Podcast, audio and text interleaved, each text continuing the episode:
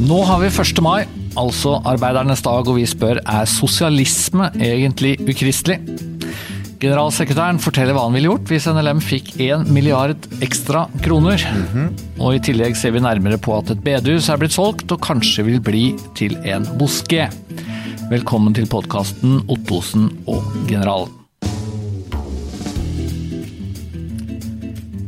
Jeg heter eh, Espen Ottosen.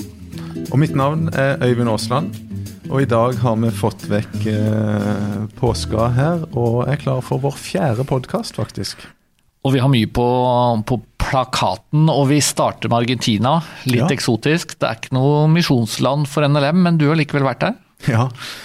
Det er jo kanskje litt tvilsomt å reise Ja, for det første å reise så mye som jeg gjør, og ta en tur til et sånn land, men eh, det har seg sånn at vår eldste datter eh, studerer der nå et semester, og da greip vi anledningen til å besøke henne i påska. Hvordan var det å ha påske i Argentina? Fikk du noen påskefølelse? Jeg gjorde det. Vi hadde jo noen fine samlinger med familien der vi las påsketekster og var sammen og, og sånn. Og i tillegg så var vi i den menigheten der som eh, vår datter og noen venninner har begynt å gå. Det må jeg nok si at der fikk ikke jeg personlig så veldig påskestemning. Det var en kanskje litt sånn stilmessig og litt innholdsmessig noe annerledes enn jeg hadde kanskje håpt. Var, det var litt for hipt, kan vi si det sånn? Ja, det, det, det var veldig hipt, ja. Men, eh, men det er jo interessant å ha en samtale med ungdommene om det, og, og snakke om hva er det som er viktig eh, når en velger en menighet. Det er ikke så mye å velge mellom da i Buenos Aires, sånn egentlig. Og, og, og, og hva er det som er mindre viktig? Og, vi ble jo enige om at innholdet i forkynnelsen er det aller viktigste. Og det var ikke så aller Så, verst. så dere ble enige? altså Det er ikke sånn at du fikk beskjed om at nå må du bli litt mer hipp og moderne, pappa? Nei. nei. Og, og min kritikk gikk jo ikke først og fremst på det hippe og moderne, men, men mer på, på en, en slags sånn vektlegging i forkynnelsen. da, Og, og det er jo vi i Misjonssambandet eh, ganske opptatt av. Du savna rett og slett eh, hva skal vi si, det klassiske Ja, påskebudskapet? jeg gjorde det. Jeg, jeg gjorde absolutt det, altså. Og så var vi i tillegg og så en liten prosesjon på langfredag. Det er jo et eh, Ja. land som er dominert av katolisisme. Ja. Det var jo interessant. Ja. Jeg har vært misjonær i Peru, begynner å bli en god stund siden, men jeg syns det å oppleve påske i et katolsk land, det var, det var veldig interessant. Det, det syns veldig i bybildet, og så er, det, så er det ikke alt som er bra med det og veldig oppbyggelig, Eh, men, men det, det markeres veldig tydelig at det er påske, og det er noe fint med det, selvfølgelig. Det er noe veldig fint med det. Ja. Men vi snakka jo masse om påske sist, eh, i bonusepisoden vår, så nå, nå må vi vel også innom eh, fotball, må vi ikke det? Manchester United. Du, du pleier jo å være ganske blid og fornøyd, eller hva har vært det før disse Skal podkastene? skal vi droppe det i dag, tror du? Blitt mange tap. komme- Det er blitt mange tap. Men jeg kunne tenkt meg å høre litt mer om din løperkarriere. Jeg hører snakk om at du skal eh, snart debutere som sentrumsløper. Jeg fikk det i julepresang. For jeg har eh, ikke sånn spesielt lyst til å løpe noe sted med startnummer på brystet. Nei. Men eh, det var altså da pakket inn til meg fra min eldste sønn. Han hadde betalt mange hundre kroner for at pappa skulle løpe en mil eh, nå. Det er tanken som teller. Ja, vel, altså jeg føler jo at jeg fikk liksom fire måneder med slit. Det var det jeg fikk til jul. Men du ligger i hardtrening? Eh, Jeg har prøvd å løpe litt ekstra, eh, men det som gikk opp for meg her om dagen, er at jeg skal løpe samme løp sammen med min svigerdatter. Ja. Og hun mener at hun kan løpe fire-fem minutter raskere enn meg. Eh, Jeg fikk jo ikke sånn veldig entusiasme av det, men vi får bare se altså hvordan det, det barker i, Vi får oppfordre alle lytterne om å gå inn på resultatlista og se Nei, nei, nei. hvor du ender opp. Men vi skal jo bruke denne podkasten og snakke litt om ting som har skjedd i det siste, og det har vi gjort nå. Og nå må vi snakke om noe litt alvorlig, eller litt viktig.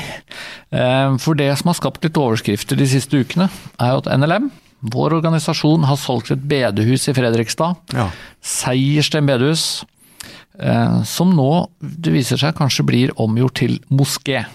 Ja, det har jo vært eh, en sak Det er jo særlig Dagen, avisen Dagen som har kjørt den saken der. Og, og ikke minst dette at biskop Atle Sommerfelt eh, gikk eh, ut og skrytta NLM for å være rause og, og snille med muslimene og, og gi dem et godt uh, hus. Og, det er jo et perspektiv på den saken som vi ikke kjenner oss helt igjen i. da. Du føler ikke at dette handler om raushet fra vår side? Nei, det, det, gjør jo ikke først og fremst det. altså. Det, vi, vi, er jo veldig klar på at uh, islam er en religion som, som uh, ikke har noe særlig til felles med kristendom. Hvis, hvis, det er noen som skulle tro at det var noe sånn som lå bak, at vi tenker at at, at det er omtrent det samme, og ja, tror man på Gud, så er det greit, liksom? Det, det er jo ikke det, det, er jo ganske langt ifra. Vi driver jo tvert imot veldig mye av vår misjonsvirksomhet i muslimske områder. Ja, du har jo drevet med misjon blant muslimer sjøl, og har vel vært ganske tydelig på at uh, vårt budskap til muslimer er at de trenger å møte Jesus. Ja, så, så, hvis Atle Sommerfelt eller andre virkelig tror at, at, det er noe sånn som ligger bak, så, så blir jeg ganske forundra. Men, men, men, det som ligger bak, det er jo at uh, alle var egentlig enige om i, i Region Øst, der det her huset mm, ligger, mm. og i Fredrikstad lokalt, om at det er faktisk ingen vei utenom. Vi, må selge huset, for av forskjellige grunner så, så, var det ikke drift der lenger. Nei, Jeg kan jo fortelle at for mer enn ti år siden så reiste jeg til Seiersten. Da jobba jeg i Utsyn, som jeg for så vidt fortsatt gjør. Lagde en reportasje om uh, hvordan situasjonen var på det bedehuset. Og det er vel sjelden jeg har gjort noe tristere, egentlig. For uh, Seiersten var jo et kjempebedehus. Masse aktivitet. Det var vel omtrent 100 år gammelt. Og når jeg var der for over ti år siden, så var det bare noen få gamle igjen som mm. møttes på bedehuset. Jeg har også vært der og talt noen ganger, og de siste åra har det ikke vært aktivitet. Og ære være de som, som, som var der til slutt. og og, og, vi er utrolig takknemlige for det de og veldig mange andre har gjort, og det som huset og aktiviteten der har betydd for oss opp igjennom. Men, men, nå var vi altså enige om at det er ikke noen annen vei enn å, å, å selge det. Vi var i kontakt med et par menigheter og ja. forskjellig sånn for å se om, om, det var mulig at de kunne overta det, men, men, men det var det ikke. Og da syns vi at god forvaltning det blir da å, leie, å legge det ut på det åpne markedet, og høystbydende får men, men, det er jo noen som tenker at uh, islam er da noe helt annet enn kristendom, og det er vi jo enig i. Det er vi helt enig. Og bør vi da selge til uh, muslimer som, som, Vi vet jo ikke at det, kanskje, at det vil skje, men, men, kanskje vil de bruke det som moské. Ja, Det er jo noen som har slått fast at det vil bli moské, men det, det vet jo ikke vi. Det er, det, det er, en gruppering, en muslimsk gruppering som har kjøpt det, men vi, vi vet jo ikke om det blir gjort til moské, og det tror jeg ikke de men kunne vi ikke, kunne vi ikke stilt et krav, som, som, når vi selger et eh, hus? Det er i hvert fall det noen sier, at man kunne gitt en klausul og tenkt at dette er for vondt og vanskelig for oss som en kristen organisasjon. Det er mulig at det teknisk sett kunne blitt gjort, men, men, selger du til en investor, så kan det jo like godt i neste omgang bli solgt til, eh, til eh, en muslimsk gruppering. Og så er det jo et, et lite poeng inni det her, da. Det er jo at når vi driver arbeid rundt omkring i verden, så, så, vil det jo være ganske kjedelig å møte den at nei, det her er kristne, vi vil ikke selge bygning eller tomt eller gjør det mulig for kristne å være her i det hele tatt. Så, så det kan jo òg være et lite moment å ta med seg i det her. Ja, Det syns jeg er, er, ganske interessant. For det er klart at i en del av de landene vi er, så har vi ikke noe valg. Eh, de aller fleste som har noe å selge, eh, er muslimer eller har en annen tro enn oss. Og så har jeg også tenkt på en ting til i denne forbindelse, og det er jo det at la oss si det hadde vært et samboerpar ja. som kjøpte dette bedehuset. Mm. Hvis vi skulle hatt som et slags krav at dette huset skal ikke brukes i strid med våre verdier. Det hadde jo ikke vært helt enkelt heller, hvis man, hvis man la veldig mye i det. det er for så vidt et poeng, det. Å liksom stille en klausul der du må granske menneskers tro og forskjellig for å kjøpe. Nei, det, det, det er nok ikke mulig, det, i, i, dagens samfunn. Jeg tror ikke det er en praksis som vi vil være tjent med, eller som, som er egentlig mulig å gjennomføre. Men bedehuset har vært veldig viktig. Mm. Men hvor viktig er liksom bygningen, vil du, vil du, si? Altså, Er det et innviet lokal som man må avvie eller avviksle, sånn som man kanskje tenker i Den norske kirke? Det, det er jo ikke praksisen hos oss. Nei. En av våre gamle høvdinger, Josef Tungland, som var formann i hovedstyret og forskjellig, han sa at det mennesket kan vi innvie til tjeneste og, i misjonen, men det gjør vi ikke med hus. Og jeg er nok tilbøyelig til å være enig med han og tenke at, at uh, det, det, er tross alt et hus og betong det er snakk om. Og så, er det leit å tenke på at med den sterke, flotte historien, at, at det da etter hvert utvikla seg sånn at det ikke var aktivitet igjen på huset. Men nå prøver vi jo på andre måter i samme område eh, og, bygge opp eh, aktiviteten vår gjennom skole, gjennom gjenbruksbutikk og, og, og Solbukta, som vi har hatt lenge, og, og har store forventninger til at uh, ting vil skje i Fredrikstad. La oss satse på at neste gang vi snakker om Fredrikstad, så har vi gladnyheter å melde. Men nå får vi si kanskje at vi har tatt gjennom de aktuelle sakene. Vi skal altså ta et par spørsmål etter hvert òg, men nå er det tid for hovedtemaet i dag, som altså er inspirert av 1. mai. Vi spør er sosialisme ukristelig? Dette er Ottosen og generalen, en podkast fra Norsk Luthersk Misjonssamband. Nå er vi altså på 1. mai, arbeidernes dag. Og da er det jo litt interessant å se nærmere på forholdet mellom arbeiderbevegelsen og bedehusbevegelsen. Ja, det er ganske interessant. Og det er faktisk sånn at vi kan bygge en bro med en gang, vi. Til Seiersten. Ja, kan vi ikke gjøre det? For, eh, for der var det jo, altså dette bedehuset som altså var over 100 år, der var det en link. Ja, du har lest litt om det? Ja, det er jo altså Tormod Engelsviken, som, som, var professor på MF, og som i sin tid ble innvia til misjonær i NLM og, og, og, hadde oppveksten sin på det bedehuset. Han, han, beskriver jo noe ganske interessant, at på Seiersten så, så, var det det ganske unike at der var det industriarbeidere som var aktive sammen med representanter for kapitalen, for å si det sånn. sånn at det, det, det var ikke noe klasseskille på det bedehuset. og De, de levde sammen og, og, var opptatt av misjon og, og høre forkynnelse. Og det høres jo fint ut, men det er jo en del som tenker at det er full krasj mm. mellom alt som handler om arbeiderbevegelsen og sosialisme og den slags, og eh, kristen tro, kristen tenkning. Ja, det er jo det. Og det er det vi må se litt nærmere på nå, da. Og så vet jo du fra din oppvekst, vi, må, vi kan ta, ta, med oss det også, at uh, det er jo en sammensatt fortelling, uh, dette. For du hadde, hadde, slekt, du. Tidene veksler jo, ikke sant, med ulike levevilkår og forskjellig sånn. Og, og jeg husker veldig godt når jeg var ganske ung tenåring, så fortalte min far meg at uh, mine to oldeforeldre på, på min fars side, de var ihuga arbeiderpartifolk og arbeiderbevegelsefolk.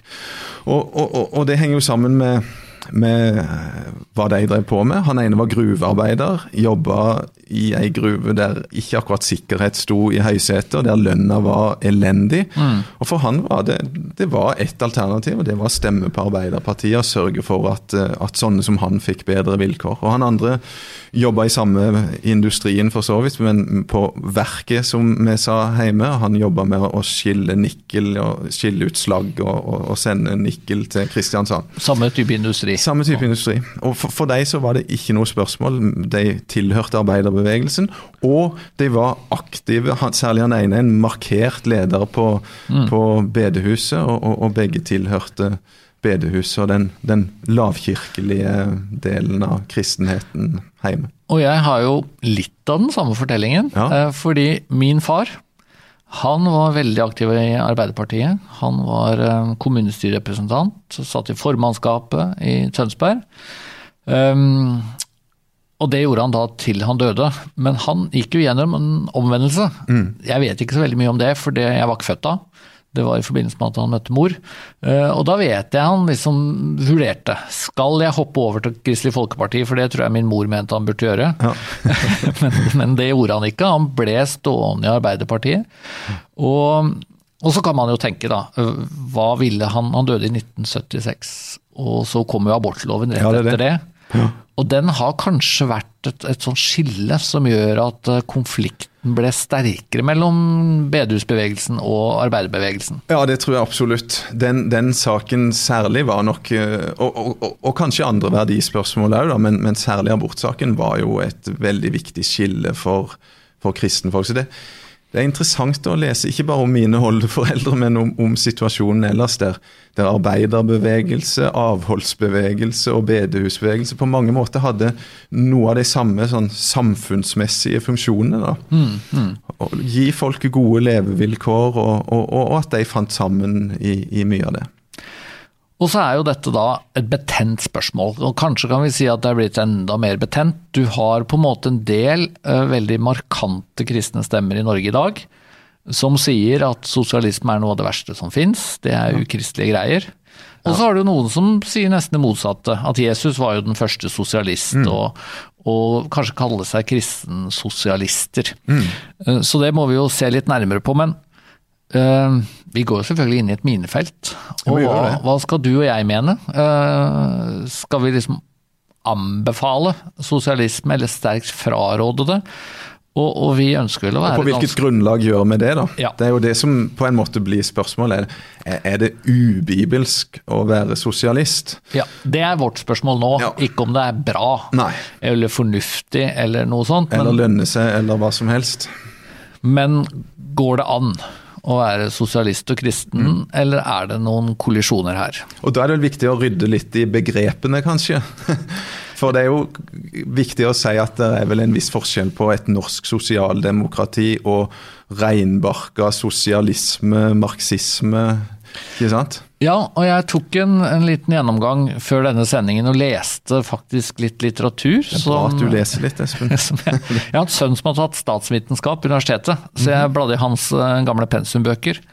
Og da ble jeg jo klar over, og det visste jeg egentlig ikke helt, at sånn historisk sett så er jo marxisme, Karl Marx, mm. kommunisme og sosialisme det har egentlig vært omtrent som synonymer. Mm.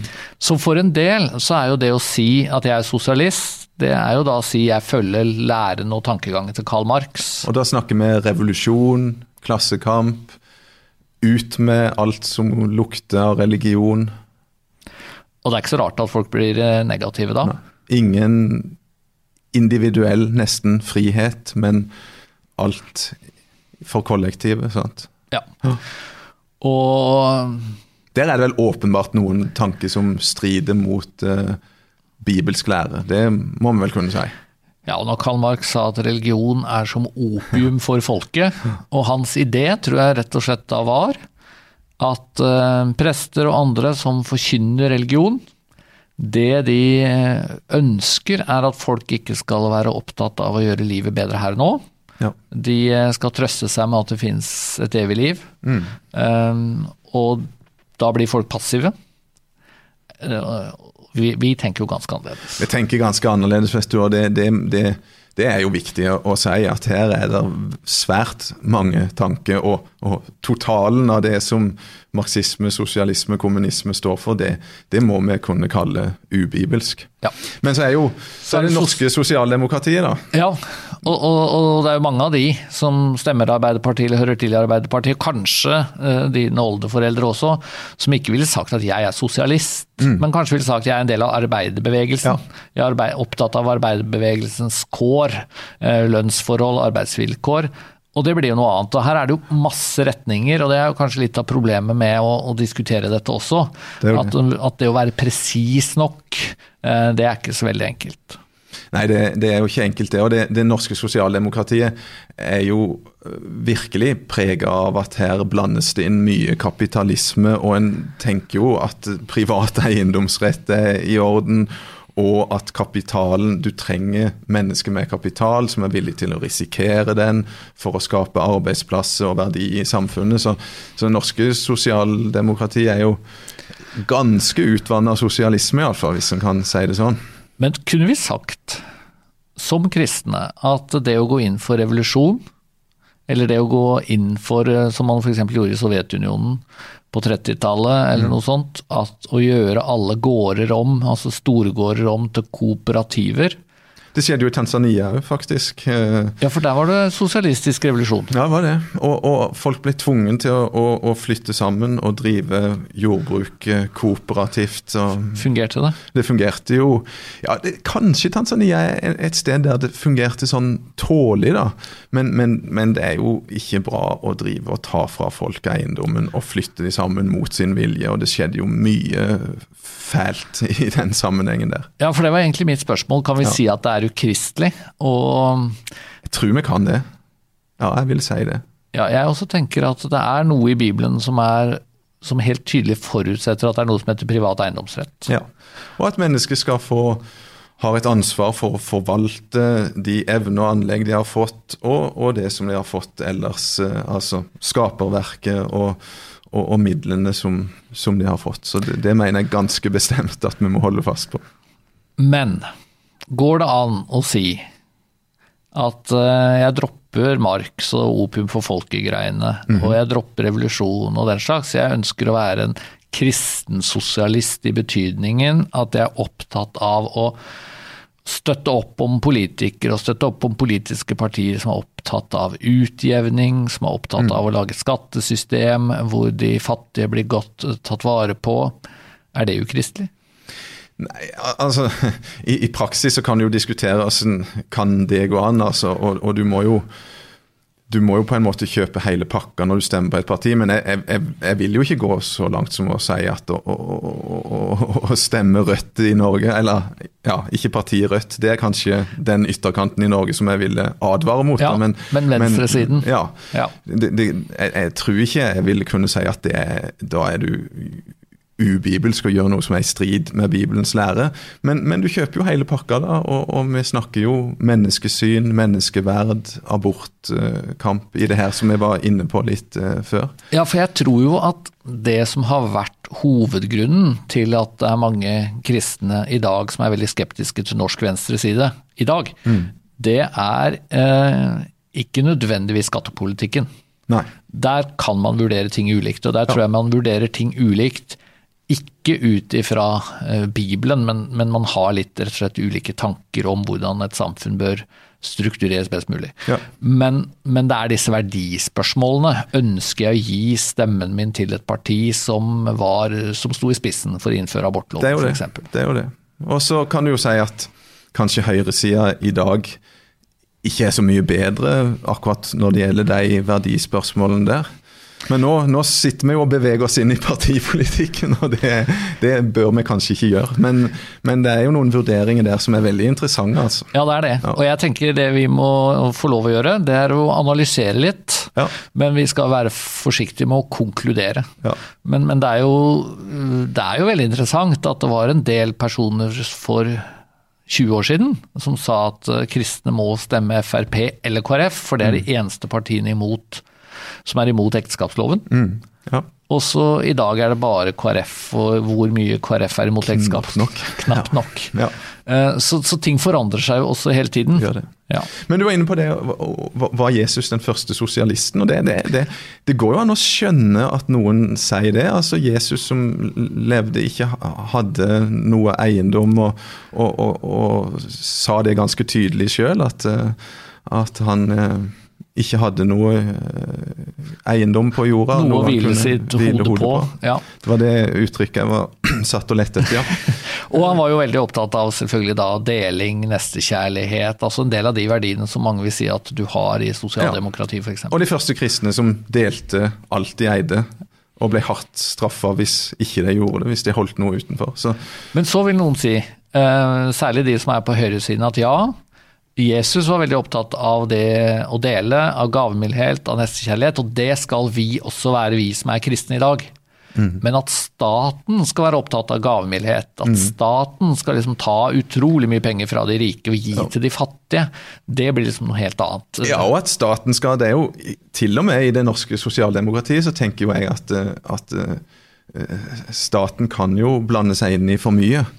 Og vi ønsker jo frihet til å velge skole til barna. Vi ønsker eh, frihet til å selvfølgelig tro og ytre oss som vi vil. Jeg, jeg sier ikke at de legger bånd på ytringsfriheten, altså, men, men, særlig det der med skolevalg har kanskje vært en sentral ting for, for mange folk i, i ja. våre sammenhenger. Da. Og, og, der tror jeg det er mange som, som har hatt en følelse av at når en del på venstresiden snakker om at, at vi må være opptatt av likhet, så blir det en sånn anstrengt likhet hvor det ikke er lov å velge annerledes enn alle andre. Ja.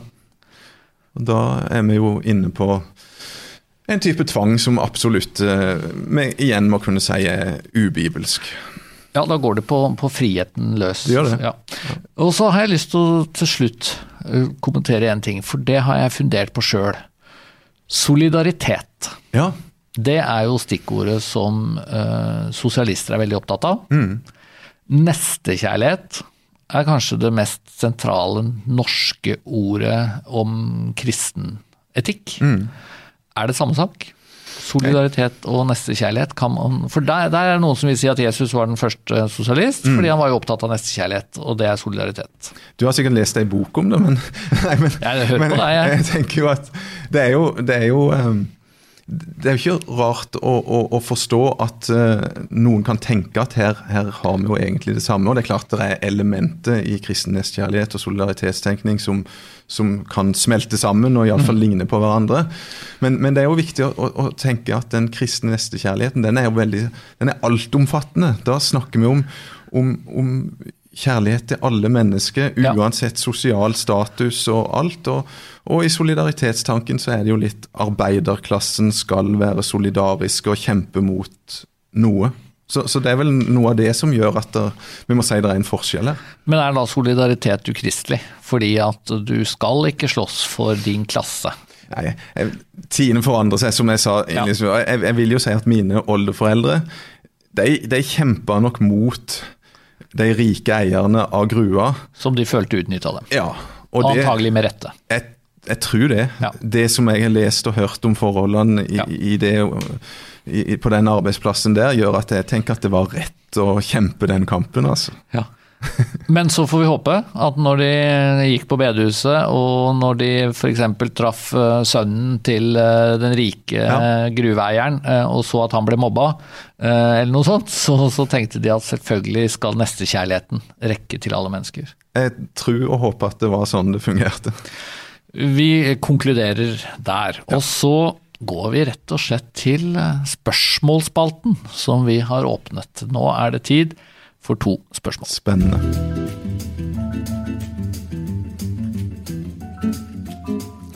Spørsmål og kommentarer til oss her i Ottosen og Generalen, de kan sendes inn på Facebook. Det går an å dele i en kommentarfelt. Du kan sende som eh, direktemelding. Og vi behandler det som anonyme eh, spørsmål. Så det er lov å spørre om hva som helst uten at vi forteller hvem som har gjort det. Og så har vi altså sagt at vi skal svare på ett minutt. Eh, og vi, vi har klokke. Vi, vi har en klokke som vi kan kikke bortpå her òg.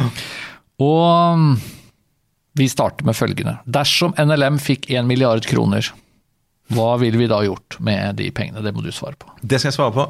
For det første vil jeg si at eh, Tro det eller ei, men jeg håper at NLM ikke kommer i en situasjon der vi får en gave på 1 milliard kroner. Du vil ikke ha det? Jeg vil ikke ha det. Og det henger sammen med at uh, i vår sammenheng så er det så viktig å vite at vi er avhengig av Gud. Vi er avhengig av at Gud får berøre menneskets hjerte, sånn at de frivillig vil gi sine gaver. Og, og, og, og, og vi trenger det fellesskapet av mennesker som er engasjert, har kall og vil bidra. Og en million tror jeg ville kunne ødelegge veldig mye der. Men hvis du fikk den, så måtte du gjort noe med den. Måtte du gjort noe med den. og Øystein Frøysa er jo min rådgiver nummer én når det gjelder det, og vi snakka sammen litt. Og han kom jo med et ganske kjedelig svar. Han er økonomileder, da. Vi må han er økonomileder, det. beklager, det trenger vi å informere om. Og, og, og, og Svaret fra økonomileder er jo ofte kjedelig. Eh, betal ned gjeld. Invester i ting som eh, sammenhengen trenger, men som ikke vil sørge for at det blir umulig å opprettholde. Det, det er fort gjort å bruke en milliard på en sånn måte at du skaper et aktivitetsnivå som ikke er bærekraftig på sikt. Så svaret er egentlig ganske kjedelig, men jeg tror det er fornuftig. Ja, og vi Var det et minutt? Ja, det var noen få sekunder over, men jeg avbrøt deg jo et par ganger, så vi Ja. får si at det var innafor. Neste spørsmål, Espen, det skal faktisk eh, du få, og det handler om økumenikk. Det er en som sier at uh, han har en mor som jobber med diakoni i Den norske kirke, og hun er veldig opptatt av fellesskap mellom de forskjellige menighetene, men hun ser at det er veldig vanskelig, og lurer på er det egentlig nødvendigvis eller fruktbart, og ønsker at Ottosen og generalen skal svare. Ett minutt.